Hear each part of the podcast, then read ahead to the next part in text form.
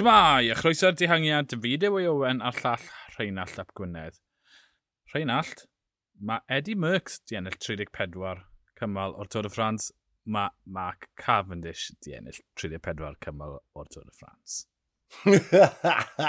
a ni'n trafod ddo, ond o'n ni, y, y shift oedd wedi digwydd yn y mentro i ennill y record yma bod na ddau gyfle. Un i ennill y 34 a'r llall i fynd heibio i'r record. Wel, mae fe wedi cyrraedd y man cynta yna, a nawr, yr unig beth sydd ar ôl yw i ennill ar y Champs-Élysées a cymryd y record o ddiar y brenin Eddie Merckx anhygol.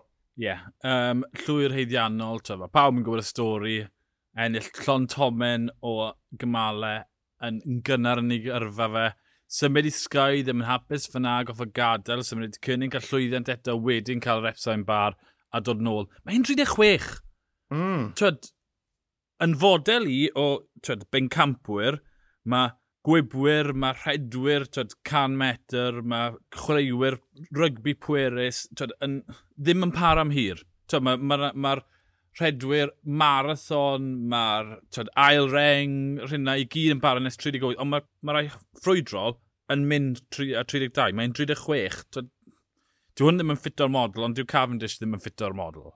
Na, ond dyw Epstein Bar byth yn newyddion da, ond mewn ffordd e, e, eironic o bosib mae wedi bod o fydd yn y ffaith bod wedi treulio'r cwpl o flynyddoedd diwetha yma ddim yn gwthio'n galed. Yeah, so, yeah. mae fe yn 36 mlwydd oed, ond mae oedran rasio fe yn llai na hynny. Mm -hmm. a, a felly mae, mae beth i ni'n gweld nawr, y ffaith bod e wedi cyrraedd y brig unwaith eto, yn profi bod e'n iau ar yr hewl uh, nag yw e getre fel petai. Ie, yeah, um, a mae Cavendish wastod yn hapus i roi diolch i'r tîm a tyd. mm.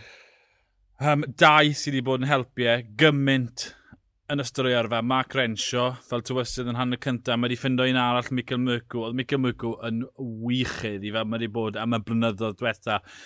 Um, gyda rhyw 500 medr i fynd, dath DSM rownd y gorna, roi pwysau'r di cynnig. Mi gollodd Cavendish yr olwyn fyna, mi ath e o'r drydydd olwyn, lawr i tes seithfed olwyn, oedd Myrcw yn gwybod, yn syth bod e wedi colli e, mm. gadael bal yr un i fynd, a wedyn oedd e'n llithro nôl i gasglu Cavendish, gadael i, i Garcia Cortina fod yn bont draw i fe, a wedyn, wa, byddai Myrcw wedi ennill ei hunan petasau Cavendish heb. Dyna faint mor dda oedd ei berfformer. Mae strolgar.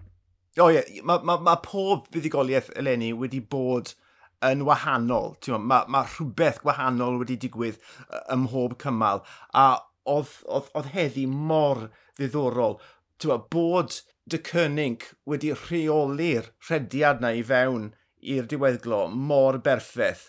Tewa, bod da fe dri reidiwr o'i flanau yn y kilometr ola na. A pa mor hwyr na The a, a Phillips yn agor mm. y hmm. wyb na. Nethon nhw agor y wyb gyda llai na can metr i fynd. So, bron a bod galle Myrcw wedi ennill hwnna bod, trwy hap a damwen.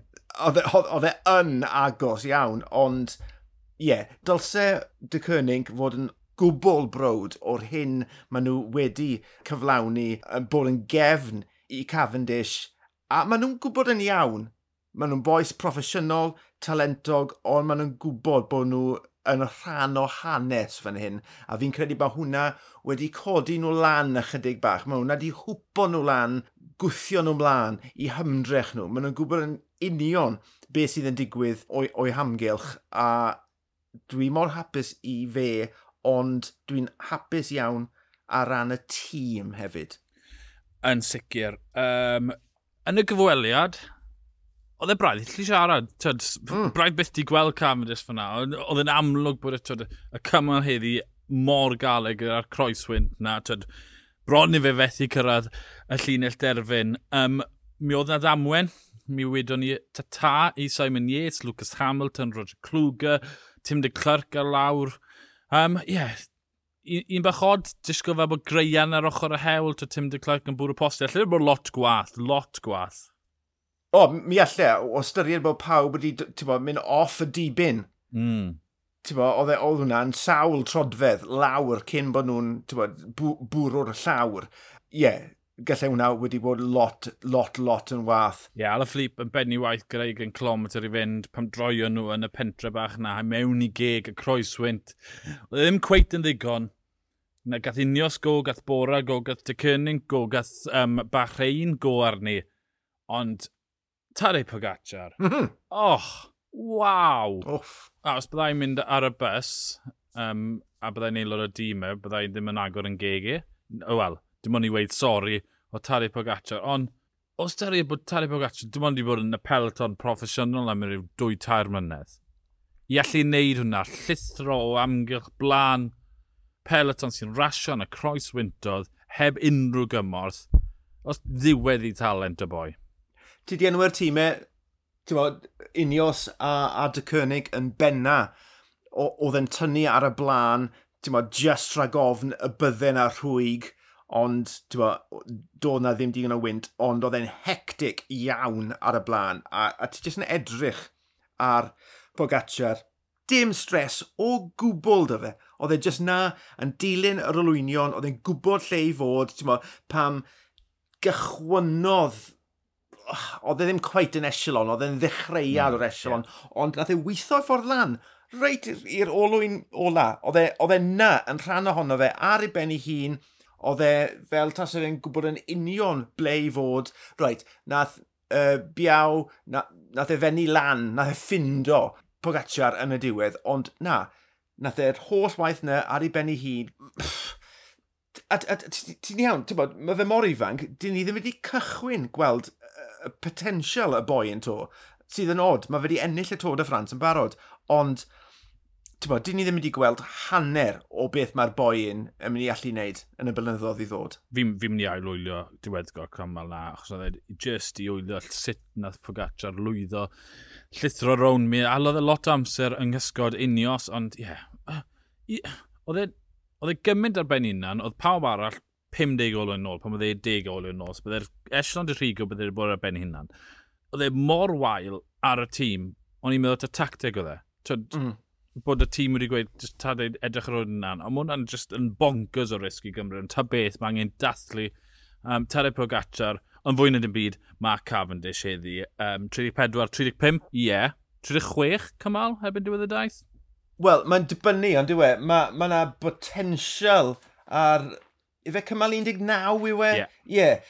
Ond i fi, mae hwnna'n gyfle eiraidd, y cyfle ola i ryw ddihangiad i lwyddo. So fi'n ame bydd na ymdrech lew i ryw ddihangiad enfawr mynd amdani. A mae dati, mae'r ma ddringfa cat pedwar na yn y 12 km cynta.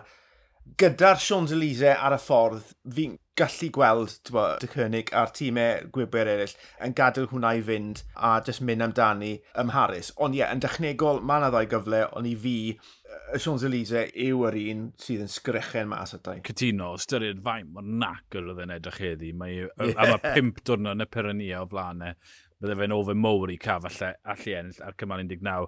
So mae mlaen i gymal 14 fori, um, mae'n rhyw 180 km. Mae yna rhyw 2,000 metr o ddringo, ond dyw e ddim digon heriol, twyd, yn wedi, yn y diweddglo. Wel, ie, yeah, um, mae yna ddringfa cat 2 gyda rhyw 20 clom, dydy fynd, mae hwnna sgrechen dihangiad i fi.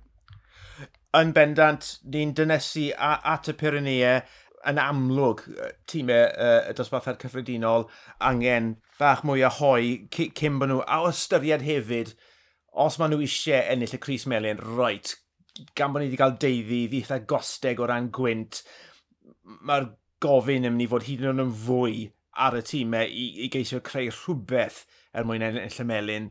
Mae fe'n dechrau pellhau wrth gwrs, ond ie, yeah, chill out bach, gadael nhw fynd, a wedyn ni'r clatio yn y Pyrrhenia. Eddie Merckx, 34 cymal, Mac Cavendish, 34 cymal. Ymunodd dyn ni fori i weld beth mae'r dihangiad yn neud. Ond o fi Dewi Owen, a llall Rheinald Llap Gwynedd, ni'r dihangiad hwyl.